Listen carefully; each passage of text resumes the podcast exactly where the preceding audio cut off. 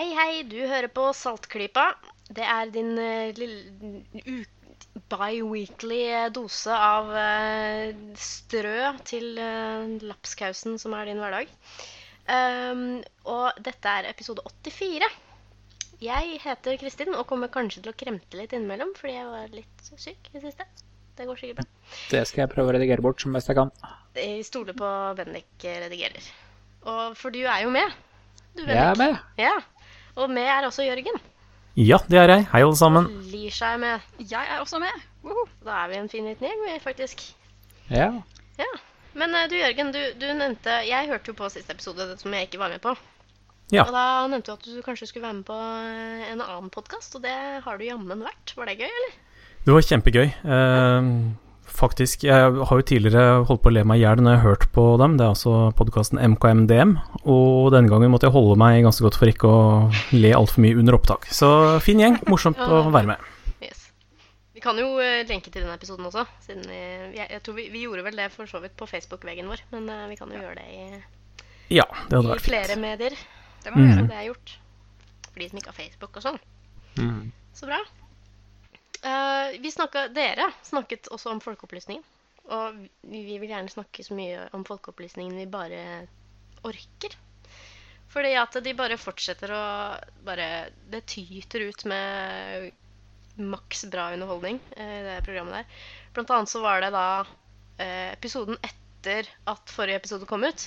Det hørtes jo nesten ut som dere hadde sett den allerede, for dere snakka jo om eh, legemiddelindustrien og sånne ting. Og det var akkurat det episoden etter handla om. Jeg syns det var veldig Hva er det norske ordet? Presient? Ja. Presient, ja. det er et veldig fint norsk ord. Ja. Det bør nesten bli en egen episode. Og det, er, det synes jeg var Jeg syns det var en eh, kongeepisode, fordi at eh, den tar opp eh, ikke bare et tema som Folkeopplysningen-motstanderne hele tiden har mast om. Ja, men kan dere ikke ta opp eh, For legemiddelindustrien de gjør jo mye verre ting. Det er ikke bare derfor det var kult, men det er jo faktisk et veldig viktig og veldig stort eh, problem da, å belyse i primetime i primetime på norsk TV. Det der med at, eh, at legemiddelindustrien skjuler positive, negative resultater osv. Og, så og det at det blir lagt fokus på det. Og faktisk også Nå husker ikke jeg helt, faktisk, for det det er en liten stund siden den kom ut. Men uh, tok de også opp det der med at de er i ferd med å forbedre seg? At de uh... Ja, de tok opp det som jeg hadde snakket om i forkant. Ja. At uh, det er eh, flere som går sammen for å få publisert alt. At det skal Ja. offentliggjøres absolutt alt som man begynner på å forske på. Og det skal komme et resultat på en eller annen måte fra absolutt alt, sånn at man vet hva som tidligere havna i eh, skrivebordsskuffen. Ja, ikke sant? Det er det som heter All Trials. Ja. Er ikke det initiativet der?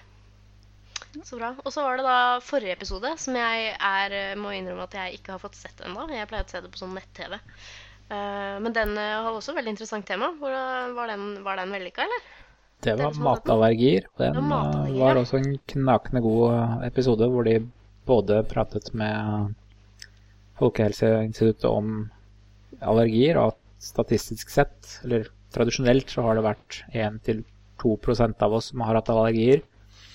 Nå er det oppimot 20% som påstår at de har en eller annen form for uh, allergi eller på, uh, Ja. en intoleranse. Og de fant også ut hvordan man finner ut at man er allergisk, og de sendte en dame for å bli testet av alskens Ja, analysemetoder. En Ja, veldig, sant. veldig frisk dame. Og hun fikk omtrent allergier mot hele kjøkkenskapet sitt. Ja. Ja, hun kunne jo ikke spise noen ting. bare Nei. Veldig effektiv diett, da. Mm. Mm. Ja. Det morsomme var jo Kunne- at eh, de sa jo da hun kunne ikke spise ditt og datt og tjo og og det endte jo opp med at alt det som hun vanligvis pleier å spise, kunne hun ikke spise. Nei. Men hun, det var stort sett det hun spiste da. Og hun var jo frisk som en fisk og hadde ingen plager. Så det var jo litt interessant. Eh, kunne hun fremdeles spise brassica? Det kunne hun sikkert, for det er så bra at det kan alle spise. Ja, det tror jeg ikke var en av de tingene som hun uh, ble meldt allergisk mot. Ja, så bra. Og jeg må bare nevne en ting også når jeg hørte på forrige episoden som dere tok opp. At eh, dere drev også snakket om stråling, eh, strålingsepisoden. Og så nevnte dere en eller annen fysiker som dere ikke husket navnet på, som fortalte om at han Å, jeg bare Arnt Inge!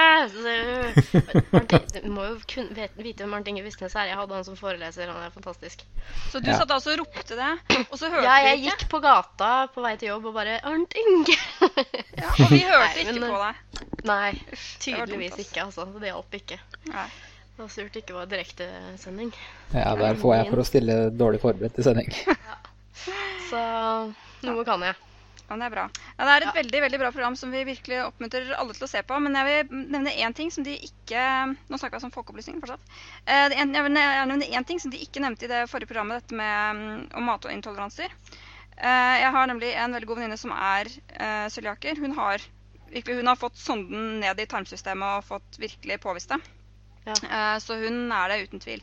Eh, Og hun forteller meg at det siste type året så har hun opplevd det, noe som aldri skjedde før, men som hun nå opplever, og som hun mener skyldes at dette har blitt en sånn moteting. Hun kommer på butikken hvor hun da skal kjøpe f.eks. knekkebrød som hun, hun trenger. da. Hun kan ikke spise vanlig brød, hun blir syk. Eh, og så Mm. er det utsolgt.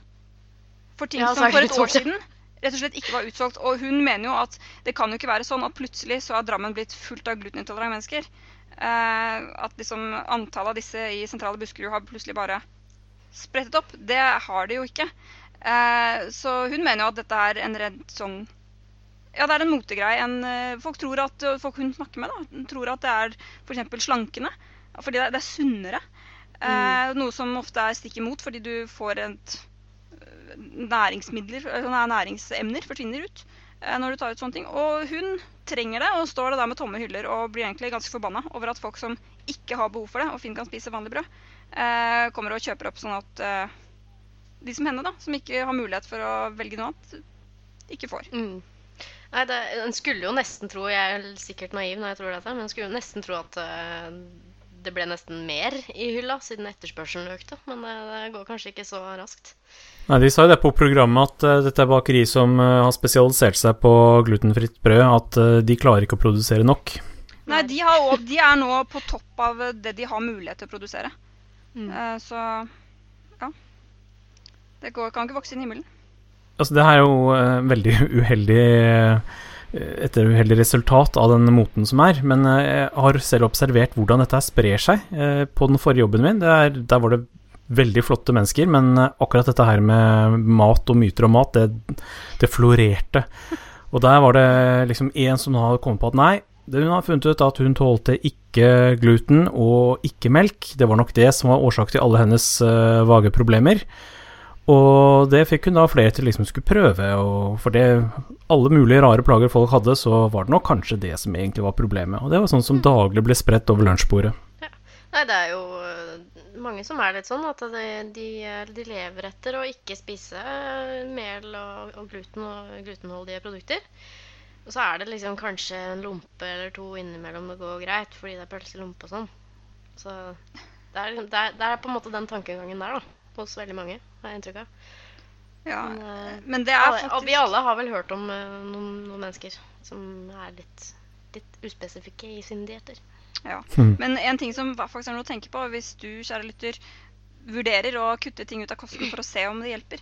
Eh, hvis du da faktisk har en matintoleranse eller en allergi, så kan det bli mye vanskeligere å finne ut av det.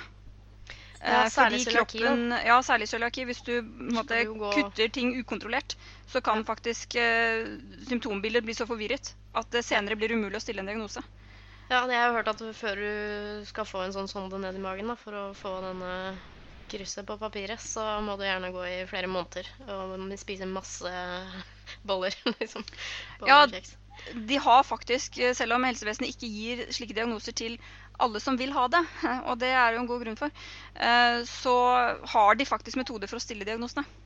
Bare at det at en spesifikk person ikke får den, selv om han eller hun mener at hun bør ha den, det, det er en helt annen historie, for å si det sånn. Det er en helt annen historie. Men eh, nok om folkeopplysningen for denne gang. Får sikkert sånn Vi fanboyer og fangirler litt sikkert neste gang også. Uh, vi skal ha litt nyhetssaker. Og uh, jeg har en dårlig og en god nyhet uh, from space. Hvilken vil dere høre først? En dårlig først. En dårlig først? Ja. Ja. Nei, altså i, Det er tilbake i episode 72 av Saltklypa. Den kan jo de som eventuelt ikke har hørt den eller ikke husker hva det var, gå, gå tilbake og høre på. Da spurte vi eh, astronom Jostein Christiansen om eh, eh, resultater som har kommet fra en teleskop som heter BICEP2. Hvor det ble annonsert da med stor fanfare at man hadde oppdaget spor av gravitasjonsbølger fra Big Bang i den kosmiske bakgrunnsstrålingen. Og grunnen til at det var så mm, liksom, Justin Bieber-stemning i kosmologimiljøene verden over da, det var jo at det igjen var et bevis på at inflasjon faktisk har skjedd. Så det er jo en prosess som lenge har vært sånn i bøkene. Sånn ja, det skjedde nok. Det her er de matematiske formlene som viser at det passer inn i teoriene vi har, på en måte. Men nå var det liksom Nå så vi det i observasjonene våre. Og det Bicep2, eh, som står på Sydpolen, da, hadde da sett på eh, den veldig svake polariseringen til bakgrunnsstrålingen. Og eh, når den gjorde det, så måtte de gjøre noen antagelser. Og en av de antagelsene de gjorde, var bl.a. hvor mye av denne polariseringen da, som skyldes støv i Melkeveien, for det er også polarisert. Og dermed eh, så vil eh, støv i Melkeveien også gi et lignende mønster. Så kan man kanskje se hvor jeg vil hen her. For eh, nå har nemlig partypooper nummer én i verdensrommet, Planck-satellitten eh, Der er Planck-satellitten, altså. Hytter med neven på den. Ja, den, den bare flekser og broer seg fremover. Um, den koser seg ute i verdensrommet, og de, den står jo for de mest storslagne og revolusjonerende kartene over bakgrunnsstrålingen. Det er, det er, eh, det er prima saker. Og den bare Hei, nå skal jeg se i en annen frekvens enn deg Bicep 2. Og nei! Der var det visst masse støv fra Melkeveien som legger seg ganske fint oppå resultatene deres, ikke sant.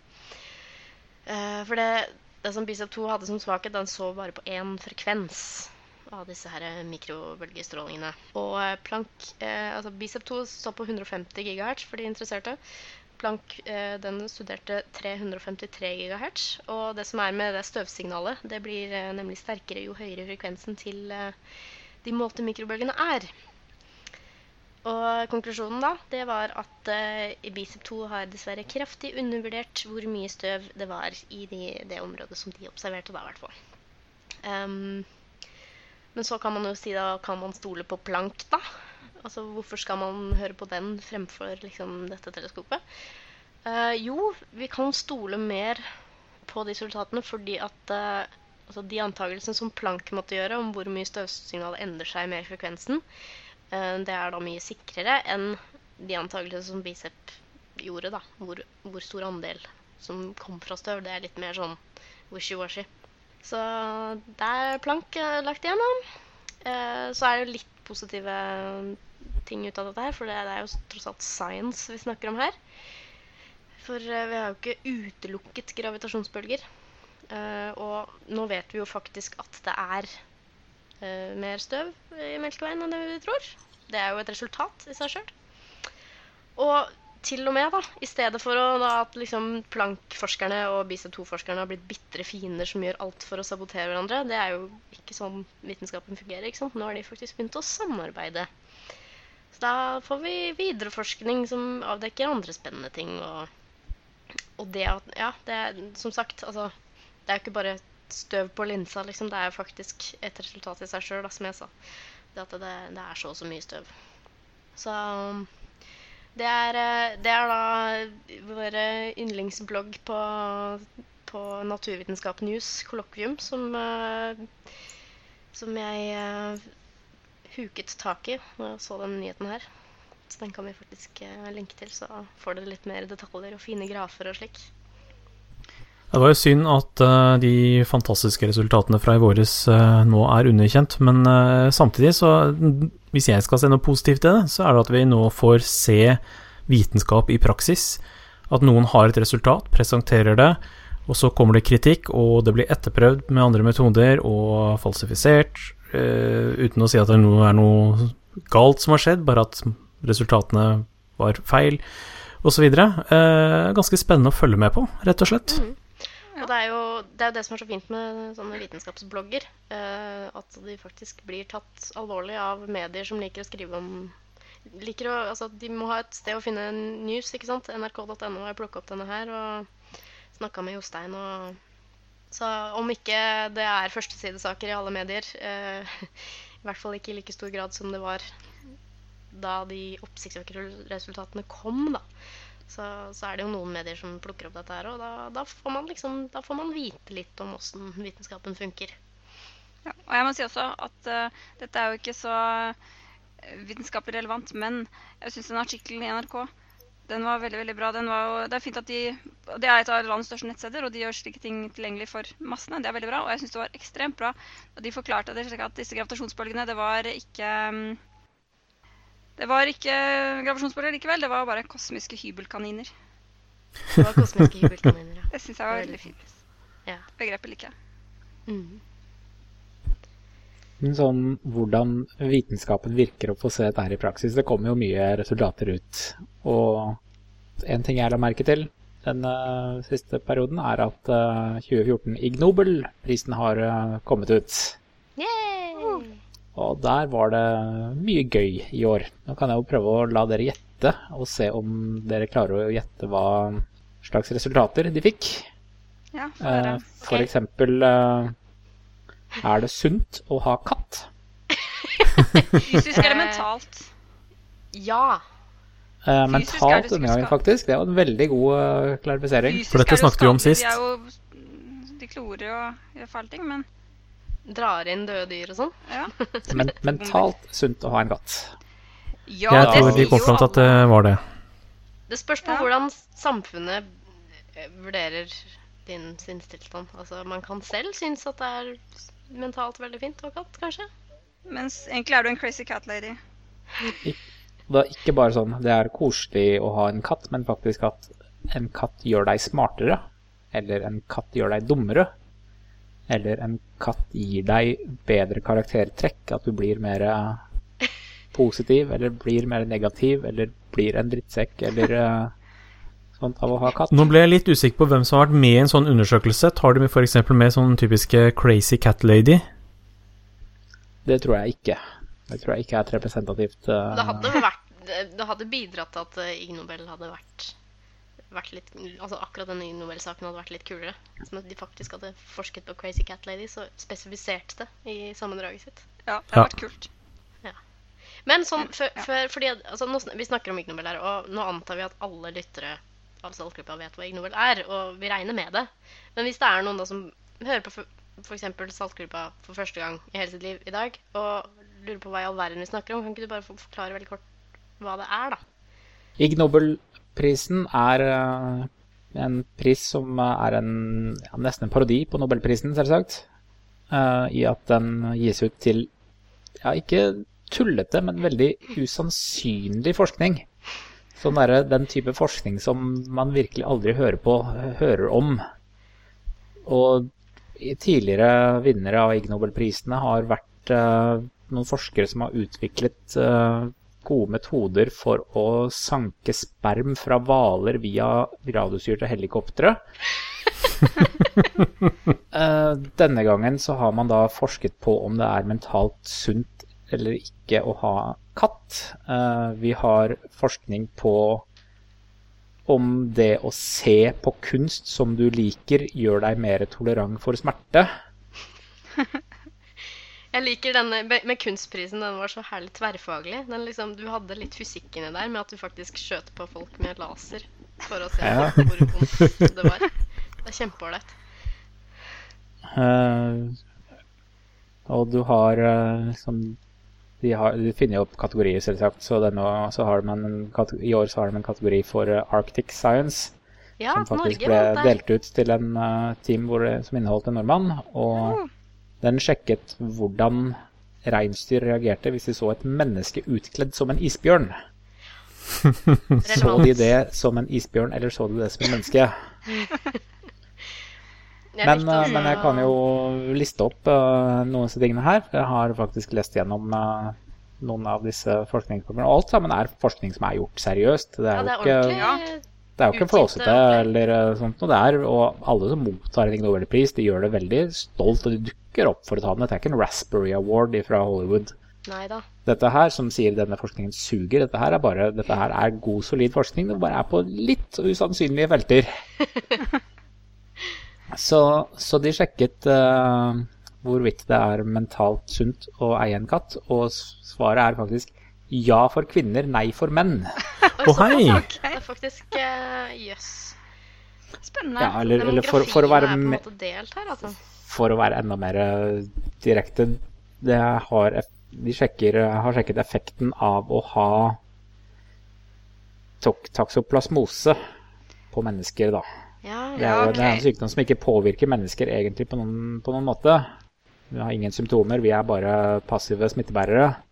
Og, og for kvinner som har det, så øker det deres eh, mentale helse, mens for menn så senker det intelligensen lite grann, og de er mer risikosøkende og ja, en del sånne egenskaper som det. ja. Så sprøtt. Mm. Men Bare en sånn liten sånn uh, det en liten digresjon. Eh, jeg hørte nettopp på siste episode av Skeptics Guide to the Universe, og der, eh, der ble det fortalt om uh, malingen eh, til katter. At de hadde en sånn healing-effekt. Ha. Du, nå skal du vite at det har vi pratet om, vi også. Ja, unnskyld. Du er åpenbart ikke frisk ennå, Kristin. Nei. Sikkert Det var vi som pratet om det. Ja, Kom, kom deg tilbake og lytt på vår egen backkatalog okay, først, du. OK, greit. Og uh, jeg, jeg, liker, jeg liker prisen i fysikk, da. Ja, Her, men jeg, kan, jeg, kan, jeg, kan, jeg har veldig lyst til å for, for, forklare Sure. den. For den, den, den, er så, den, er så, den er så fint vitenskapelig sammendrag. Uh, for de har målt mengden friksjon mellom en sko og et bananskall, og mellom bananskallet og et gulv, når en person tråkker på et bananskall som befinner seg på gulvet. Jeg likte den siste kvalifiseringen her. er Når en måte- person tråkker på den og den befinner seg på gulvet. Ja, for du må jo, du må jo spesifisere må jo parametrene dine her. ikke sant? Og dette syns jeg er sånn Dette er Ig Nobel i et nøtteskall, eller bananskall, eller hva man skal si. da.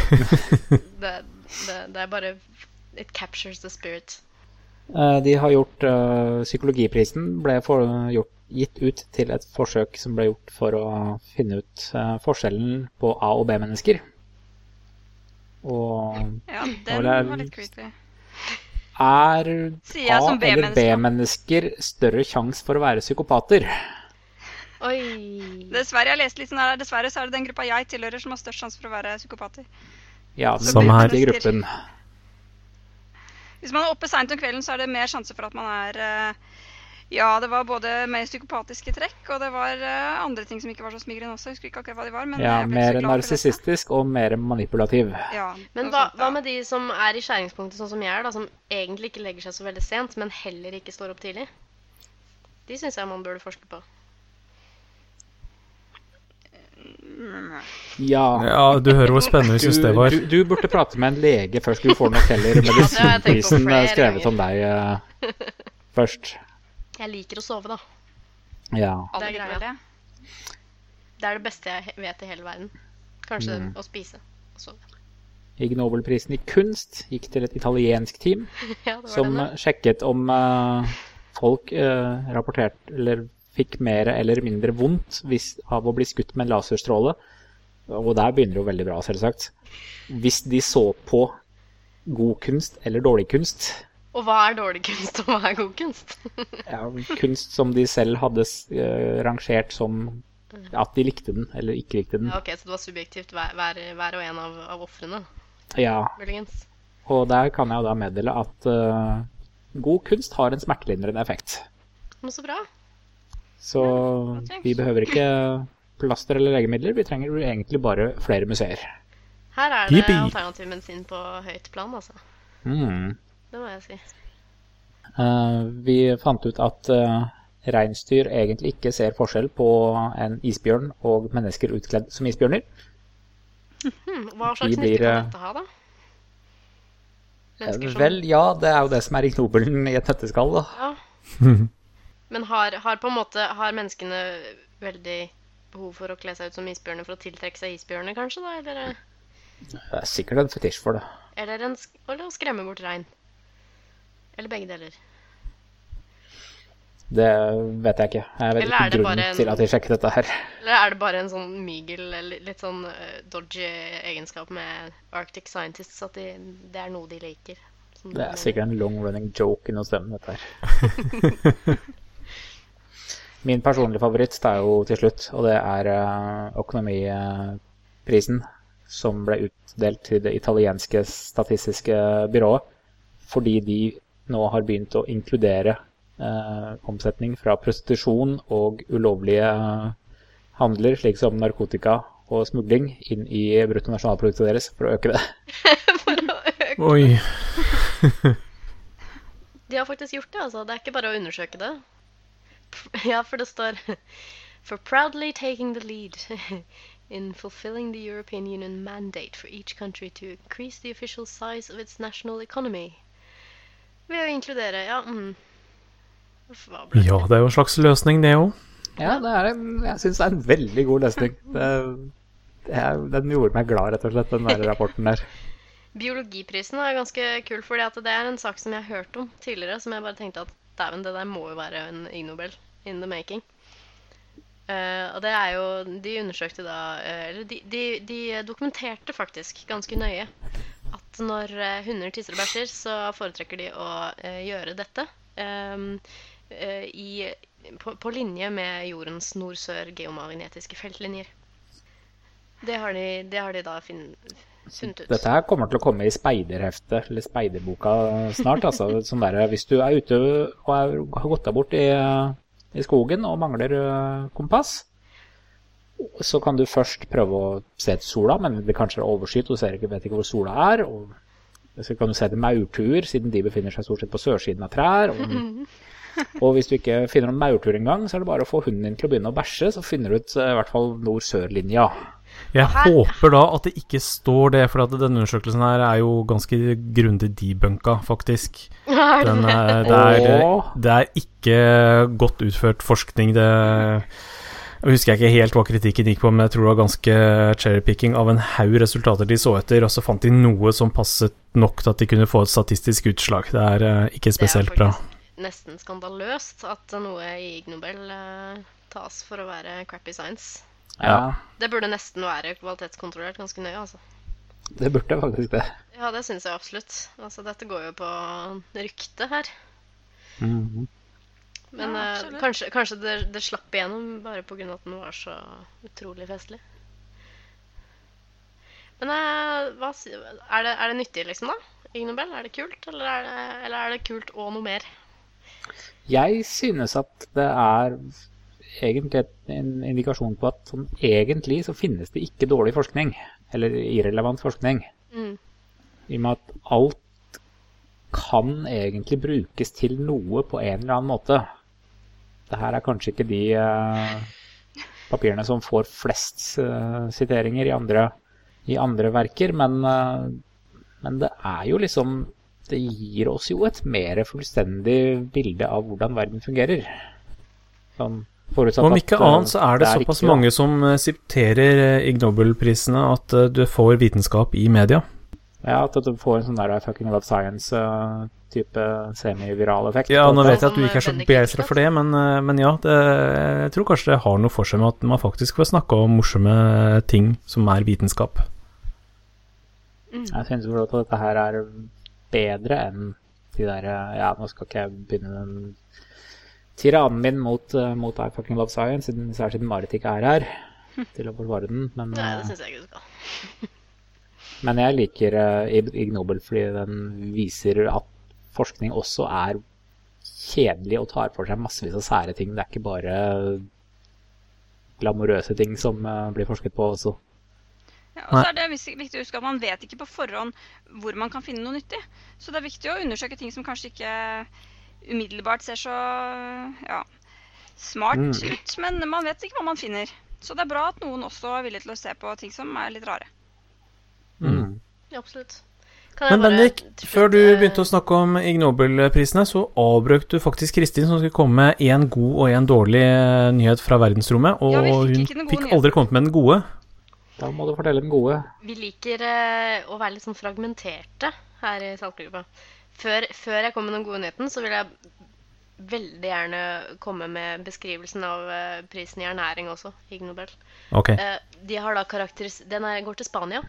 Eh, hvor de har karakterisert eh, melkesyrebakterier isolert fra spedbarnsbæsj som en potensiell eh, probiotisk startkultur for eh, fermentert pølse.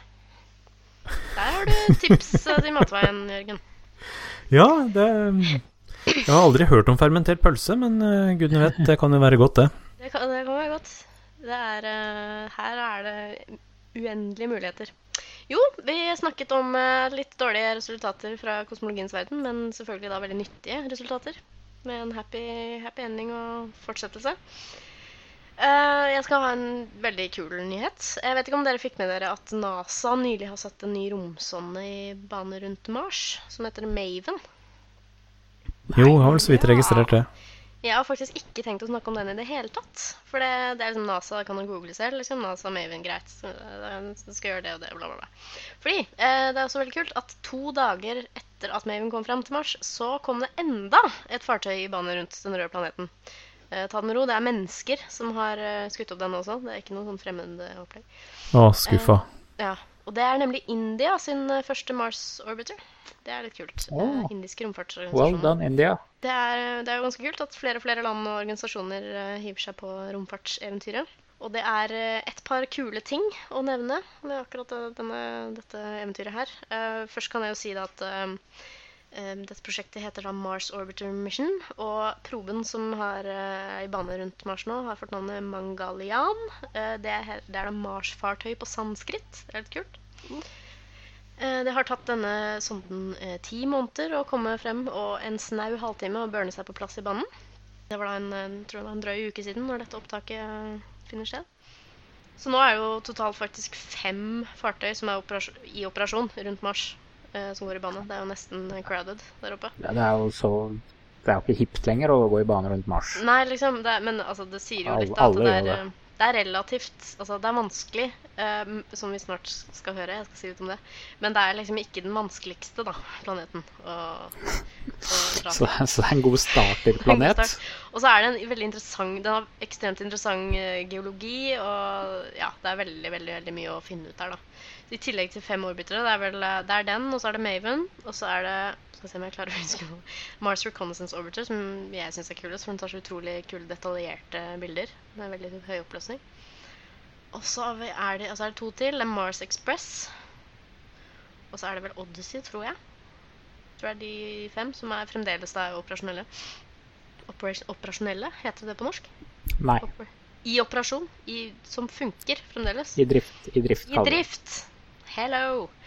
I tillegg så er det jo selvfølgelig Mars-roboter. Eh, to stykk som Altså det, er flere som sitter her, men det er veldig mange som har bare visna hen. Eh, men to av dem er fremdeles i drift også. Det er Curiosity og Opportunity. De tuter og kjører som bare det. Men altså, med denne eh, Indias sonde, Mangalian, så var det noen kule ting. Først og fremst så er dette det første landet, eller første romorganisasjonen, da, som har klart en Mars-mission på første forsøk.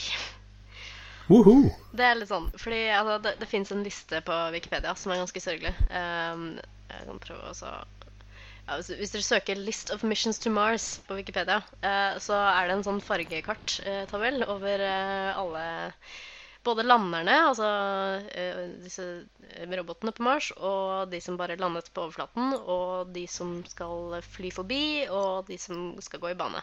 Så alle prosjektene som hittil. Og Der er det da eh, fargekodet rødt for failure og grønt for successful. Og det er ikke særlig Det er, det er litt sånn sjakkbrett, altså. Det er ikke mye grønt. Så mye grønt som man skulle tro. Em, det er faktisk gjort, ifølge den artikkelen jeg leste, i hvert så er det eh, gjort 51 forsøk. Og 21 av disse har vært vellykkede.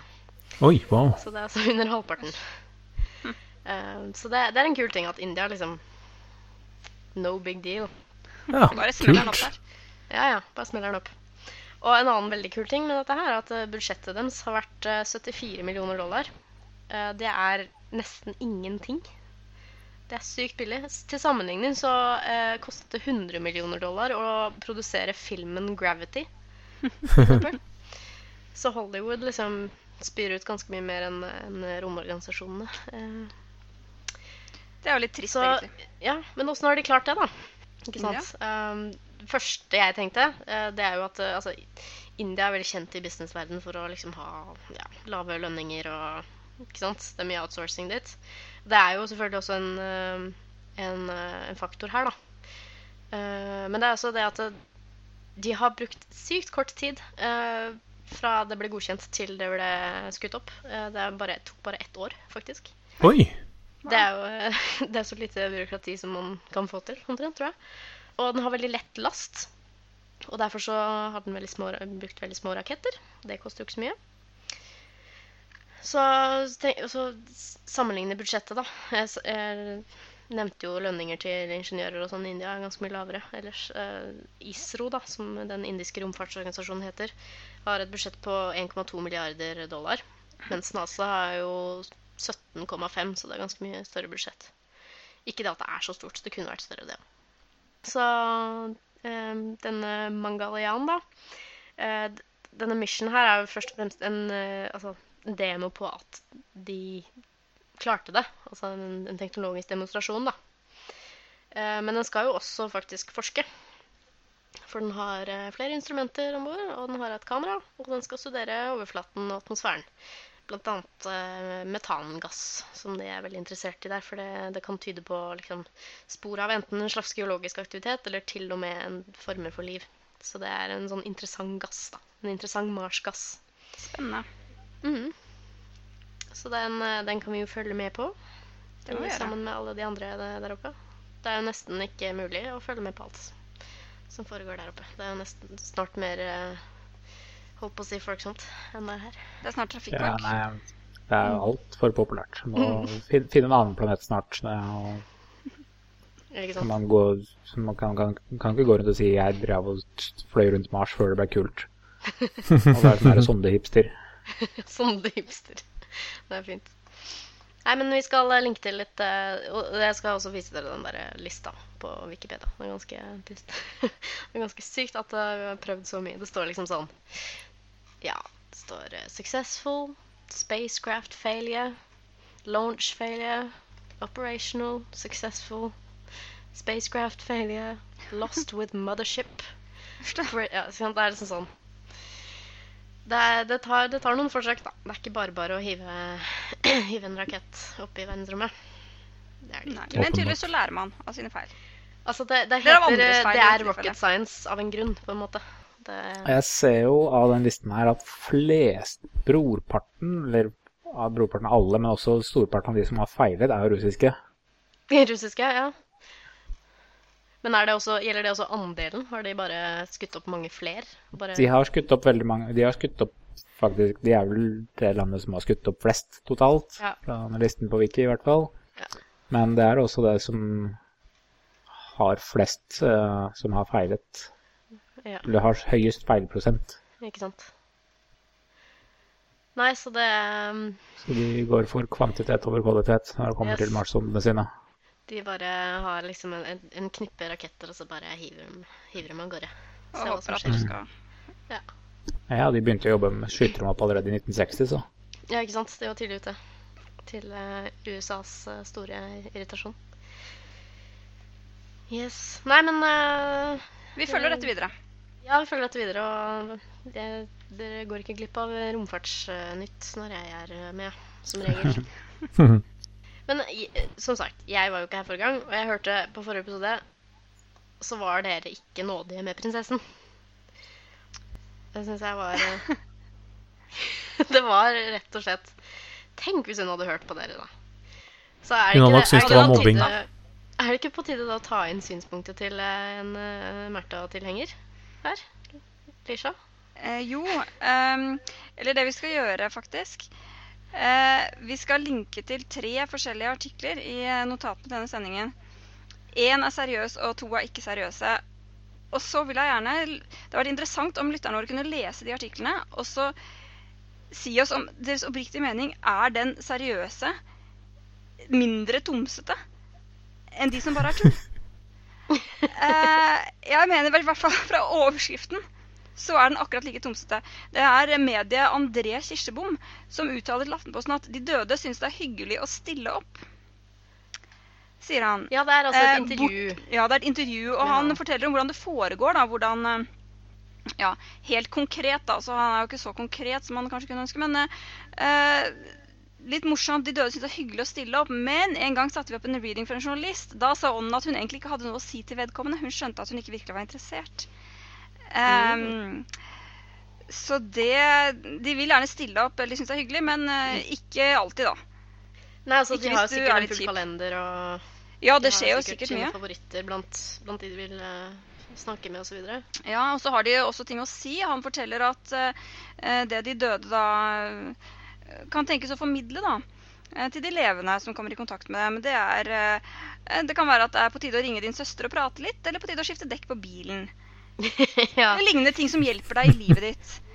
Uh, se, se, ja. gjennom eh, familiealbumet en gang til, og sånne ting. Ja, altså jeg må Ja. bare si jeg hadde vært så forbanna hvis jeg har virkelig hatt kontakt med en person på den andre siden, og de drev og skulle prate om dekkskift.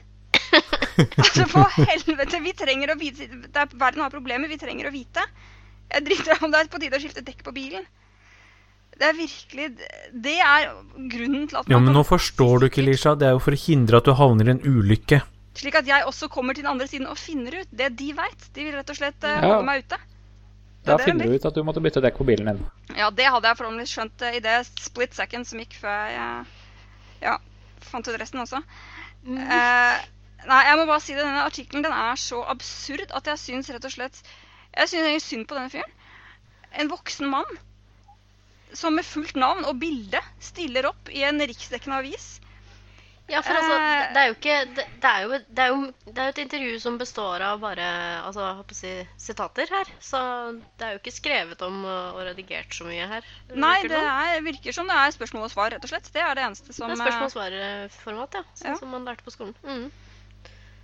Får jo spørsmål om det at eh, hva, hva syns du om liksom kritikken mot Märtha og ja, Han han, sier jo det at han tror Martha Märtha er en pioner. ja, han mener det. Um, Mm.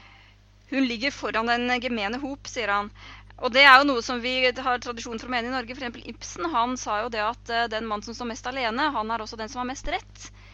Men historien har vel vist at det der, det er en sannhet med modifikasjoner, altså. Det er det. Eh, det slår ikke alltid til, for å si det sånn. De lo av eh, lo sikkert av eh, Galileo. De lo av Galileo, de, de, Og han hadde rett. De ler av meg, ergo har jeg rett. Ja, ikke sant? Ja, det- they also laughed at Bozo the Clown, var det ikke det eh, Jo, Carl han sier så. sa? Mm. Um, så nei, jeg tror ikke man skal være så sikker på at fordi at alle andre syns du er en tulling, så er du inne på noe. Uh, jeg tror du da bør revurdere det du driver med, faktisk. Jeg er litt sånn Jeg syns det er så rart Det må jo kreve utrolig mye innsats, da. Fra en person som er så inne i dette her, og som kan så mye. Og måte, det må kreve så mye innsats av den personen å på en måte avfeie alt det andre som står om ja, forskning bak det man driver med, og, og på en måte skeptiske innfallsvinkler. og Det, det må være kjempeslitsomt. Altså, jeg trodde på mye rart før, jeg, men, så, men jeg, jeg var også interessert i liksom, forskning og sånn. Da kommer det på en måte av seg sjøl at man vet litt mer etter hvert. Det er veldig rart, altså. Ja, det er, men dette her er noe av det som vi snakket om eh, forrige gang også, om jeg ikke husker feil. At eh, når du først har investert Ja. mye av deg selv, både tid og personlig energi og kanskje også penger, når du f.eks. har stilt opp da, i en av landets største aviser med som sagt fullt navn og bilde, da krever det ganske mye å gå tilbake og si nei, vet dere hva, det der var jo bare brøvl, jeg skjønner ikke hva jeg tenkte på. Ikke Ikke Ja, sant? altså, Um, det, det er sikkert mange skeptikere som ville fått latterkrampe og hengt ut disse folka. Jeg hadde respektert, jeg synes det hadde vært, jeg hadde gitt dem applaus. Jeg. Jeg Ja, helt enig, helt enig. gitt dem en stor high five. Helt enig. Men eh, er- du skal også se deg sjøl i speilet, og jeg tror for mange så er det vanskelig å Når du først kommer et stykke inn, så er det veldig vanskelig å snu. fordi da taper du så mye ansikt eh, først og fremst i dine egne øyne. Ja, det er en eh, stor eh, mental exercise, det der. Det er sant, det. Det er nok det, altså. Mm. Men ja, som sagt, les disse tre artiklene, og se om dere klarer å gjette hvilken som er seriøs, og hvilken som er bare tull.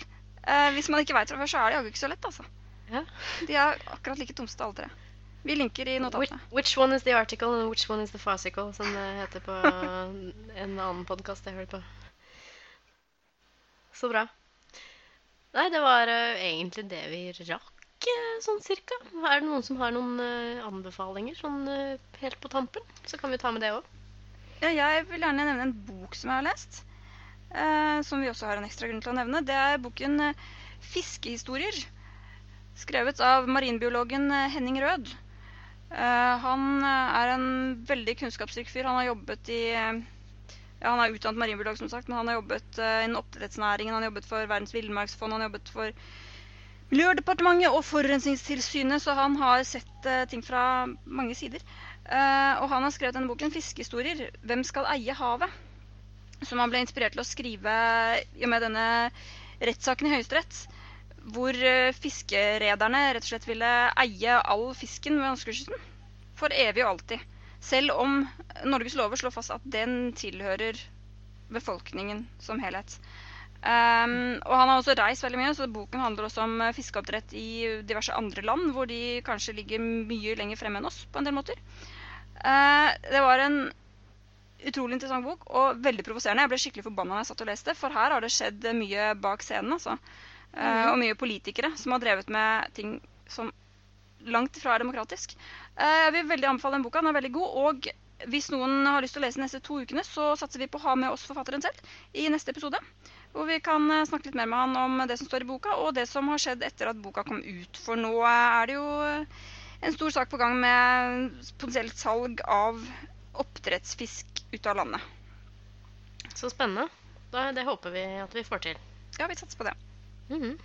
Jeg ser Dag O. Hessen har anbefalt boka, så det er ikke bare Altså, av og til når noen kommer med en bok som kommer med sjokkerende ting, så viser det seg jo at det kanskje var litt overdrevet, men uh, det her har jo fått uh, fagfolk bak seg, denne boka her. Ja, Dag O. Hessen er jo en ganske avbalansert type, han. Og Ja. skeptisk til sin hals, så det er jo fint, det. Ja, det, det er mange som har eh, mener at denne boken er veldig viktig. Den har fått veldig veldig gode kritikker. Den er veldig velskrevet. Eh, man trenger, eh, det er veldig mye informasjon i den, men man trenger absolutt ikke ha noe spesiell ekspertkunnskap. Den var, jeg vet ikke så mye om dette, men jeg syns den var veldig veldig lettlengelig.